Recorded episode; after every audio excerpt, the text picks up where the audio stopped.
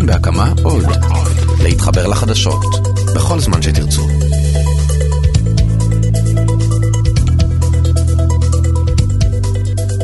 ככל שמתפרסמים יותר ויותר מחקרים, אני משתכנע בצדק שיש בקרב אלה שלא מאמינים לא למחקרים, לא לסקרים, לא לממוצעים. הנה כותרת שהתפרסמה עכשיו. רוב היהודים שלא סיימו ללמוד במכללה מאמינים באלוקים.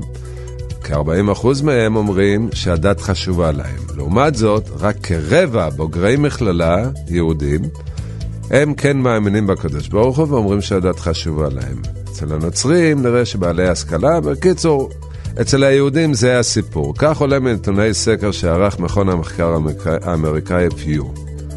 מה האמת? הם ערכו סקר בקרב כלל יהודי ארצות הברית, כולל הרבה חרדים שלא לומדים במכללות. והם, החרדים, כמובן אמרו שהם מאמינים באלוקים והדת חשובה להם. אז התוצאה לפי עורכי המחקר היא פשוטה. מי שלא לומד במכללה, יותר מאמין. זה מזכיר לי את הרופא שאמר לפציינט שהגיע אליו לאבחון, תשמע, אתה סובל מאלצהיימר. אני? מה לי ולדבר הזה, אומר הפציינט. לא, פשוט מאוד, אומר הרופא, אני עושה מחקר, ואני יודע שאחד מכל עשרה סובל מאלצהיימר. אתה העשירי.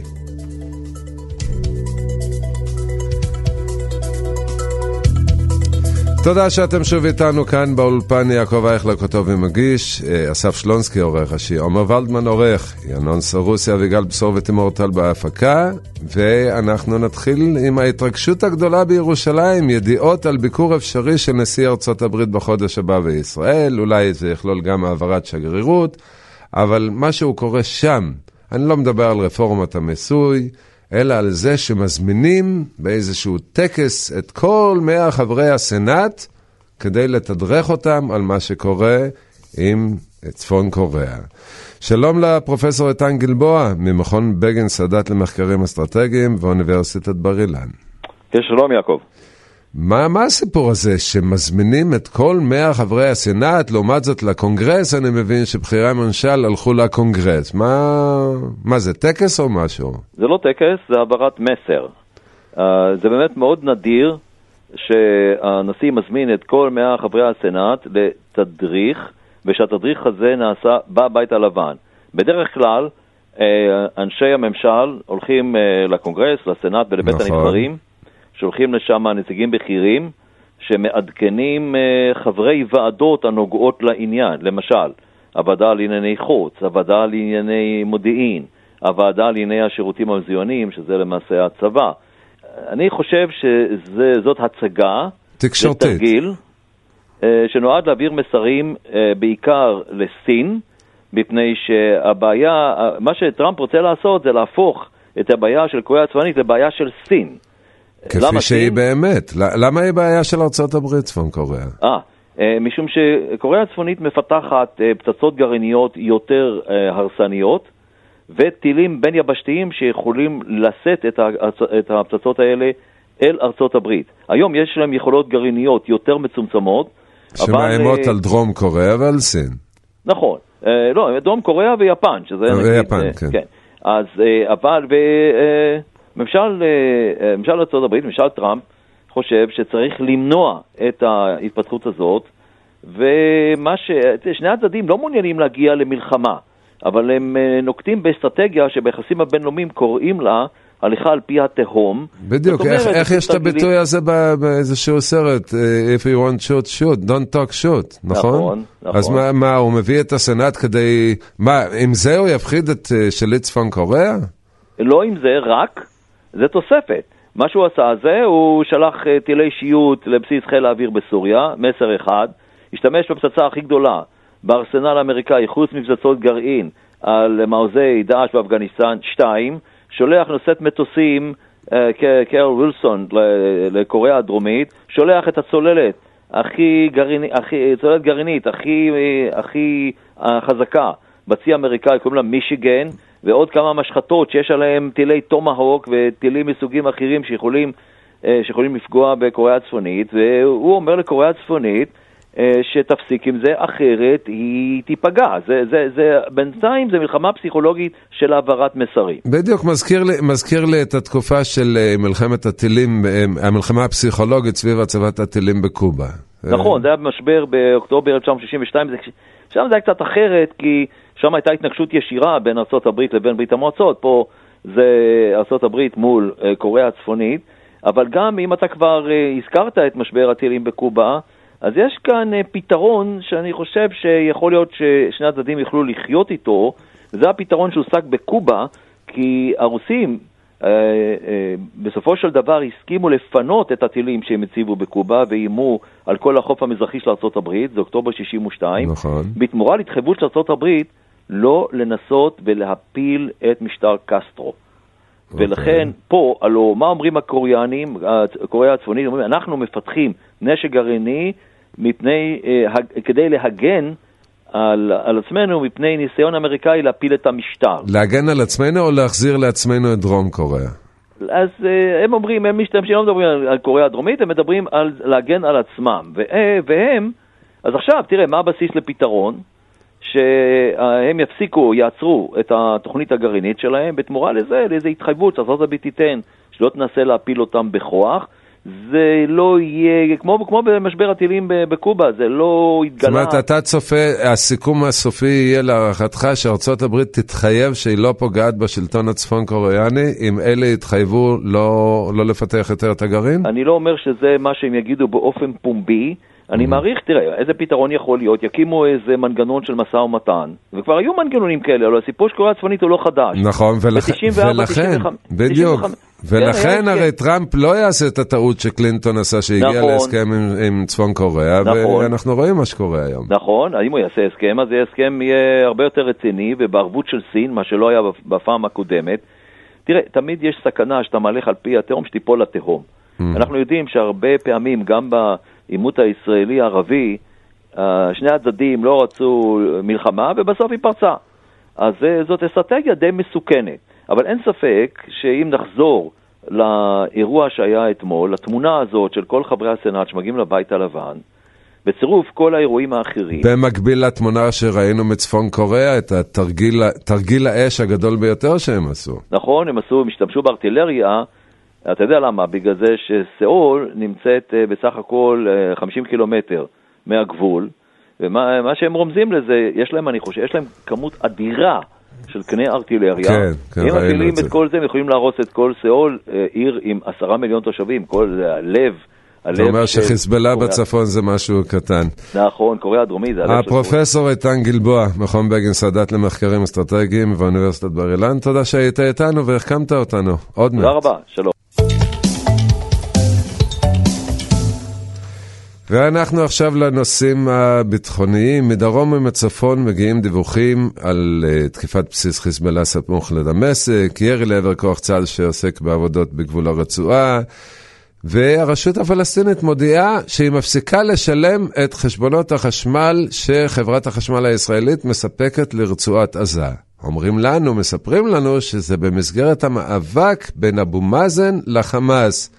אבל תמיד היהודי הוא זה שמקבל את הסתירה. לאלוף במילואים עמוס גלעד, לשעבר מתאם פעולות הממשלה בשטחים, ומי כמוך יכול להסביר לנו למה, למה זה אמור להפחיד את החמאס ההחלטה הזו?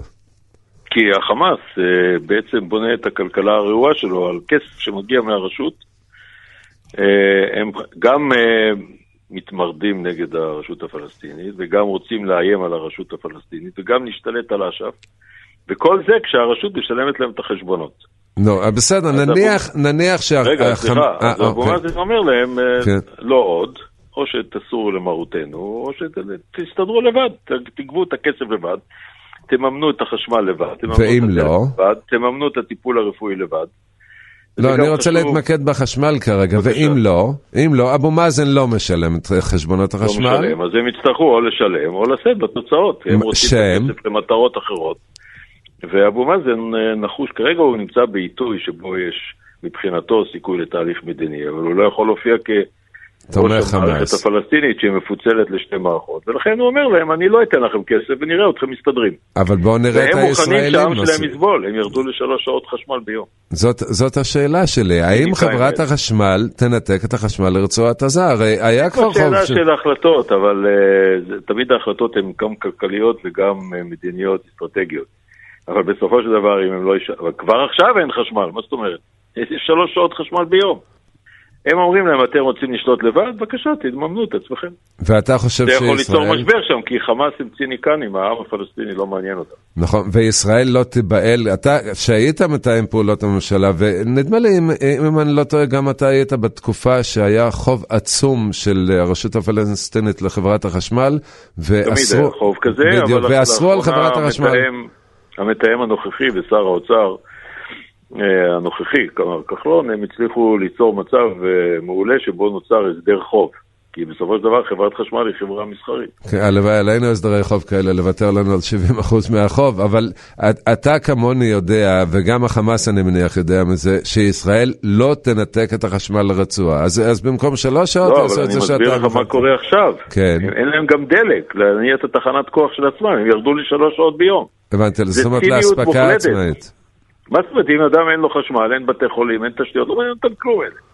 חוץ מהמנהרות והפעולה נגד ישראל ולהפיל את הרשות, והם חלק מהאחים המוסלמים שהובסו במצרים למרבה המזל. אבל אתה צופה שישראל תעמוד מהצד, נניח שיש קריסה כלכלית ברצועת עזה, ישראל תעמוד מהצד ולא תציל אותם? תראה, ישראל עוקבת בעניין רב אחרי המתרחש, אבל uh, להחליט על פעולות זה דבר מאוד מורכב, כיוון שהרשות הפלסטינית, שהיא השלטון הלגיטימי של הפלסטינים, היא גורמת למצב הזה.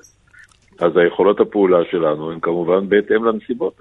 אוקיי, אז, אז בוא נחזיר לך את הכובע רגע של מתאם פעולות הממשלה בשטחים, ואתה רואה מה שקורה שם, לחמאס אין כסף, והולכת להיות שם התקוממות, וכמובן שהחמאס יפנה את זה לישראל, מה אתה מציע לממשלה? אה, התרחישים האלה הם פשוטים מדי.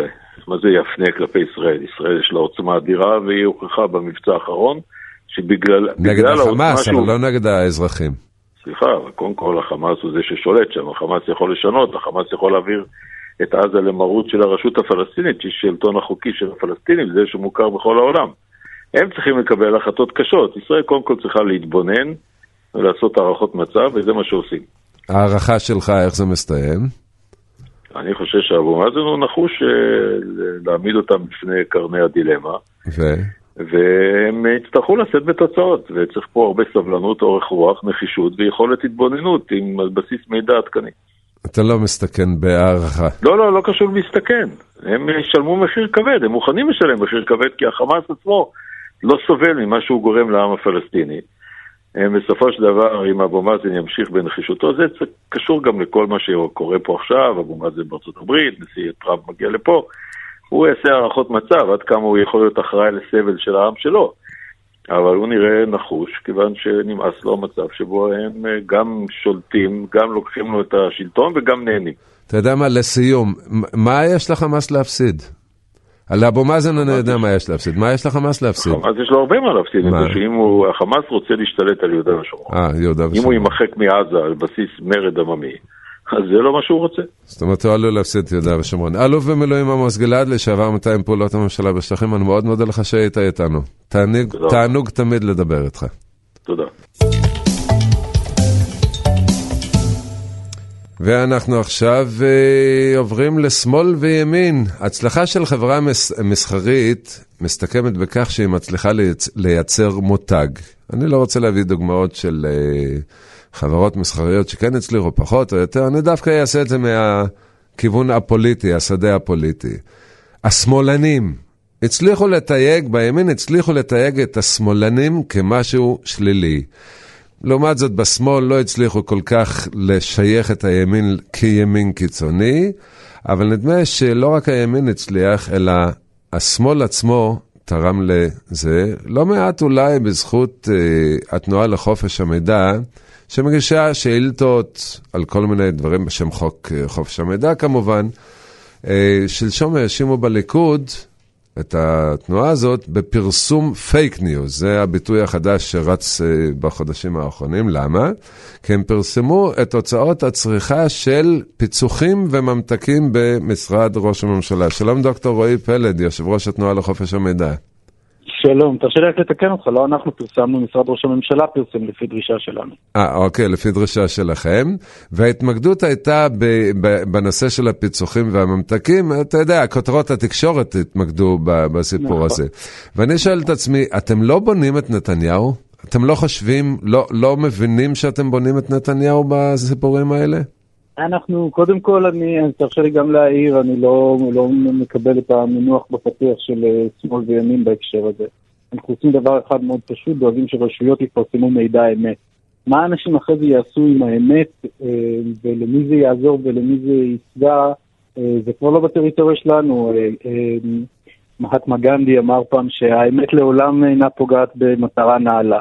אז אנחנו מאמינים שהבסיס לדיון בין השמאל והימין והלמעלה והלמטה צריך להיות דיון מבוסס מידע אמיתי ועובדתי, וזה ה- החלק אבל שלנו. אתה לא יכול. להתכחש לזהות של, אה, למשל המנכ"לית שלכם, אה, מנכ"לית התנועה. אה, רק לאחרונה היא נתנה איזשהו רעיון, והיא לא בדיוק אשת ימין, נקרא לזה כך. גם לא בדיוק אשת שמאל, אני לא יודע איזה רעיון ולמה אתה מתייחס, אבל היא לחלוטין לא פעילה פוליטית בשום צורה. אוקיי. אגב, יש, יש בינינו, אני אה, הייתי בעבר אה, פעיל פוליטי במפלגת שמאל, אה, יש אצלנו חברים שהיו פעילים בגופי ימין, אה, זה, זה באמת אה, לא חייב לעבוד. אוקיי, אז זה- בוא, בוא נעזוב כרגע את הימין ואת השמאל, אני מקבל את ההערה שלך, אבל אני שואל, האם אתם לא חושבים, הרי הבוחרים של בנימין נתניהו בוחרים בו בין השאר בגלל שרודפים אותו. הוא הצליח לייצר את התחושה הזו שאנשים רודפים אותו מאז שהוא עלה לשלטון, רודפים ורודפים ורודפים, והנה בא פרסום כזה, במקביל בא איזשהו פרסום של, יש, יש עוד איזושהי תנועה, סדנה לידע ציבורי, אם אני לא טועה, שהם כן. פרסמו שאילתה כמה ספרי ואיזה צבע משתמשים לא, לא, לשיער. לא, לא, לא, רגע, זה, זה לא, זה לא הוגן להפיל את זה עליהם. זה מישהו השתמש בפלטפורמה טכנולוגית שהם יצרו כדי לעשות את זה. אני מודה שכאזרח, אני חושב שמישהו עשה את זה גם מתוך שעשוע. אני לא חושב שהעלויות אה, צבע השיער של אה, ראש הממשלה זה הדבר הכי חשוב בעולם. בדיוק. כי גם זה כסף ציבורי וגם זה אם מישהו רוצה, זכותו. לדעת. לא, בסדר, אבל לא בשביל זה עשו את החוק חופש מידע. השאלה אם הם פה, אם אתם לא תורמים, אתם, אני אומר אתם בכוונה, כן? אני מדבר על כן. הקבוצה הזאת. לא תורמים לחיזוק כוחו.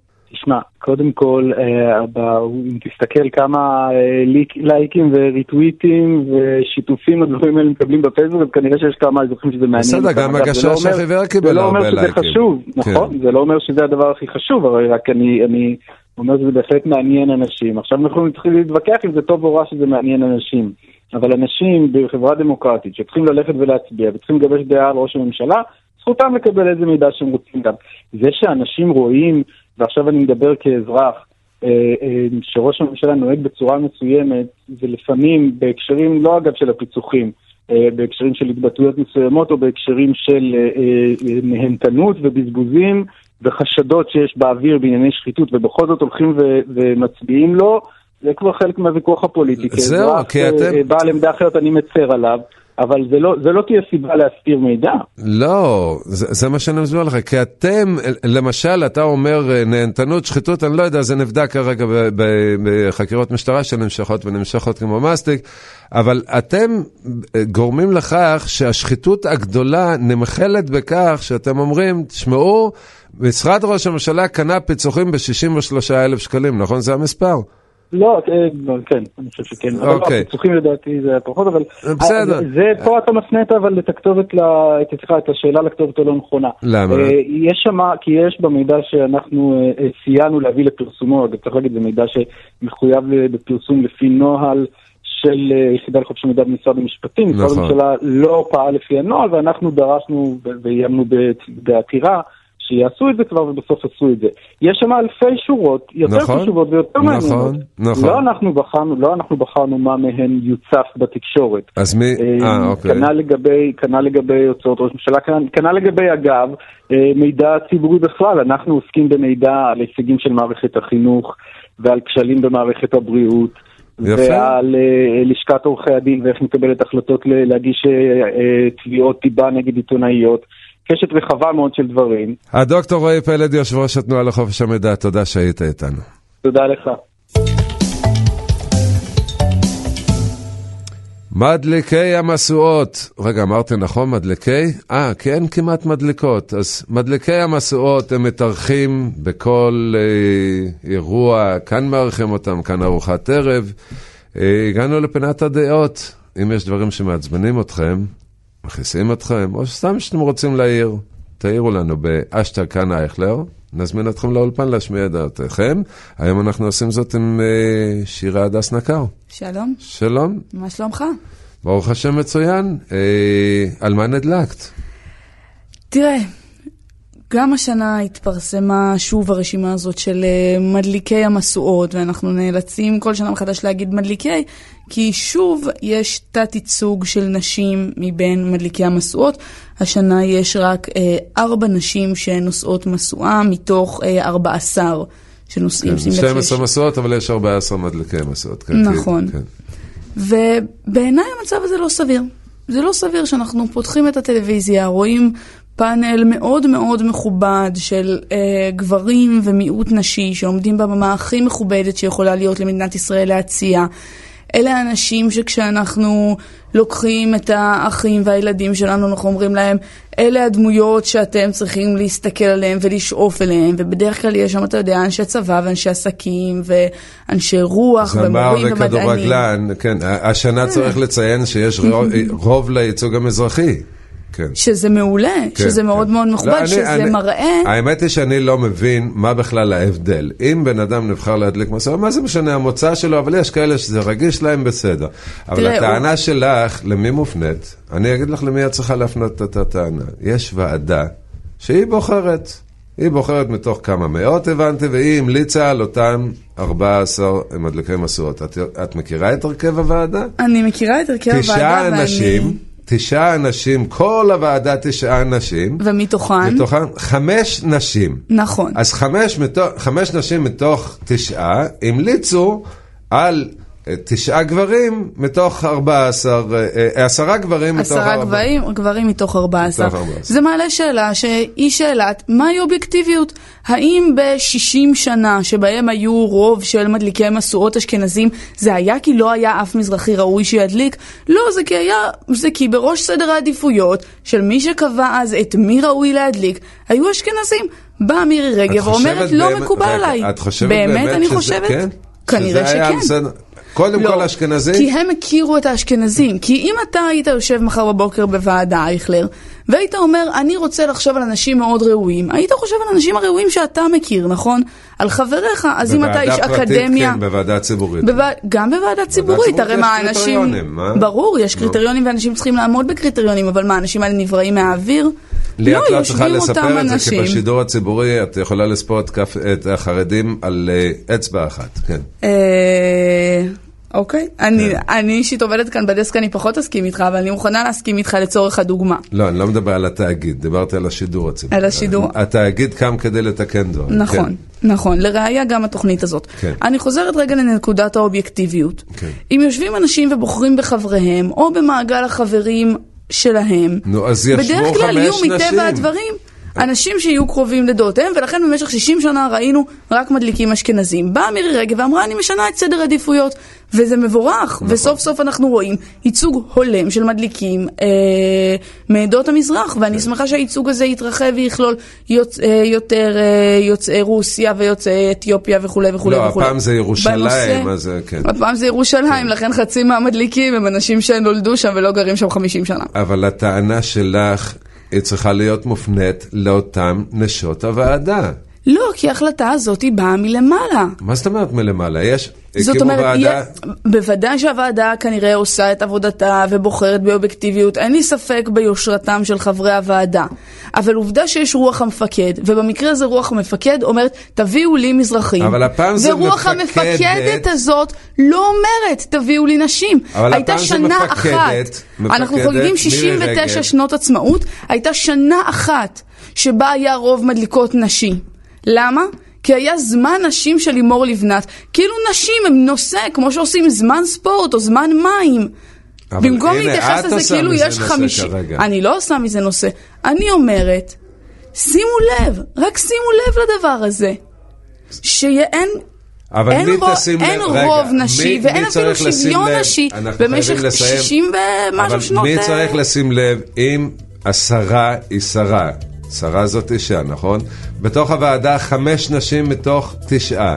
ואם הן לא הצליח, תצלחנה להביא נשים, אז מי כבר יצליח? שירה הדס כנראה מי. שישים את הנושא הזה על סדר היום שלו, וכנראה שזאת לא תהיה השרה. שאומרת שהיא לא פמיניסטית, וזה בסדר, מר- מר- מרשות לה גם את זה. עשינו את זאת. שירה הדס נקר, תודה שבאת תודה רבה. לאולפן. תודה ליניב חליף הטכנאי, תימור אה, טל, אביגל בשור, ינון סרוסי בהפקה, עומר ולדמן העורך, אסף שלונסקי עורך ראשי, באולפן כאן יעקב אייכלר. תודה לכם המאזינים, להשתמע בתוכניות הבאות.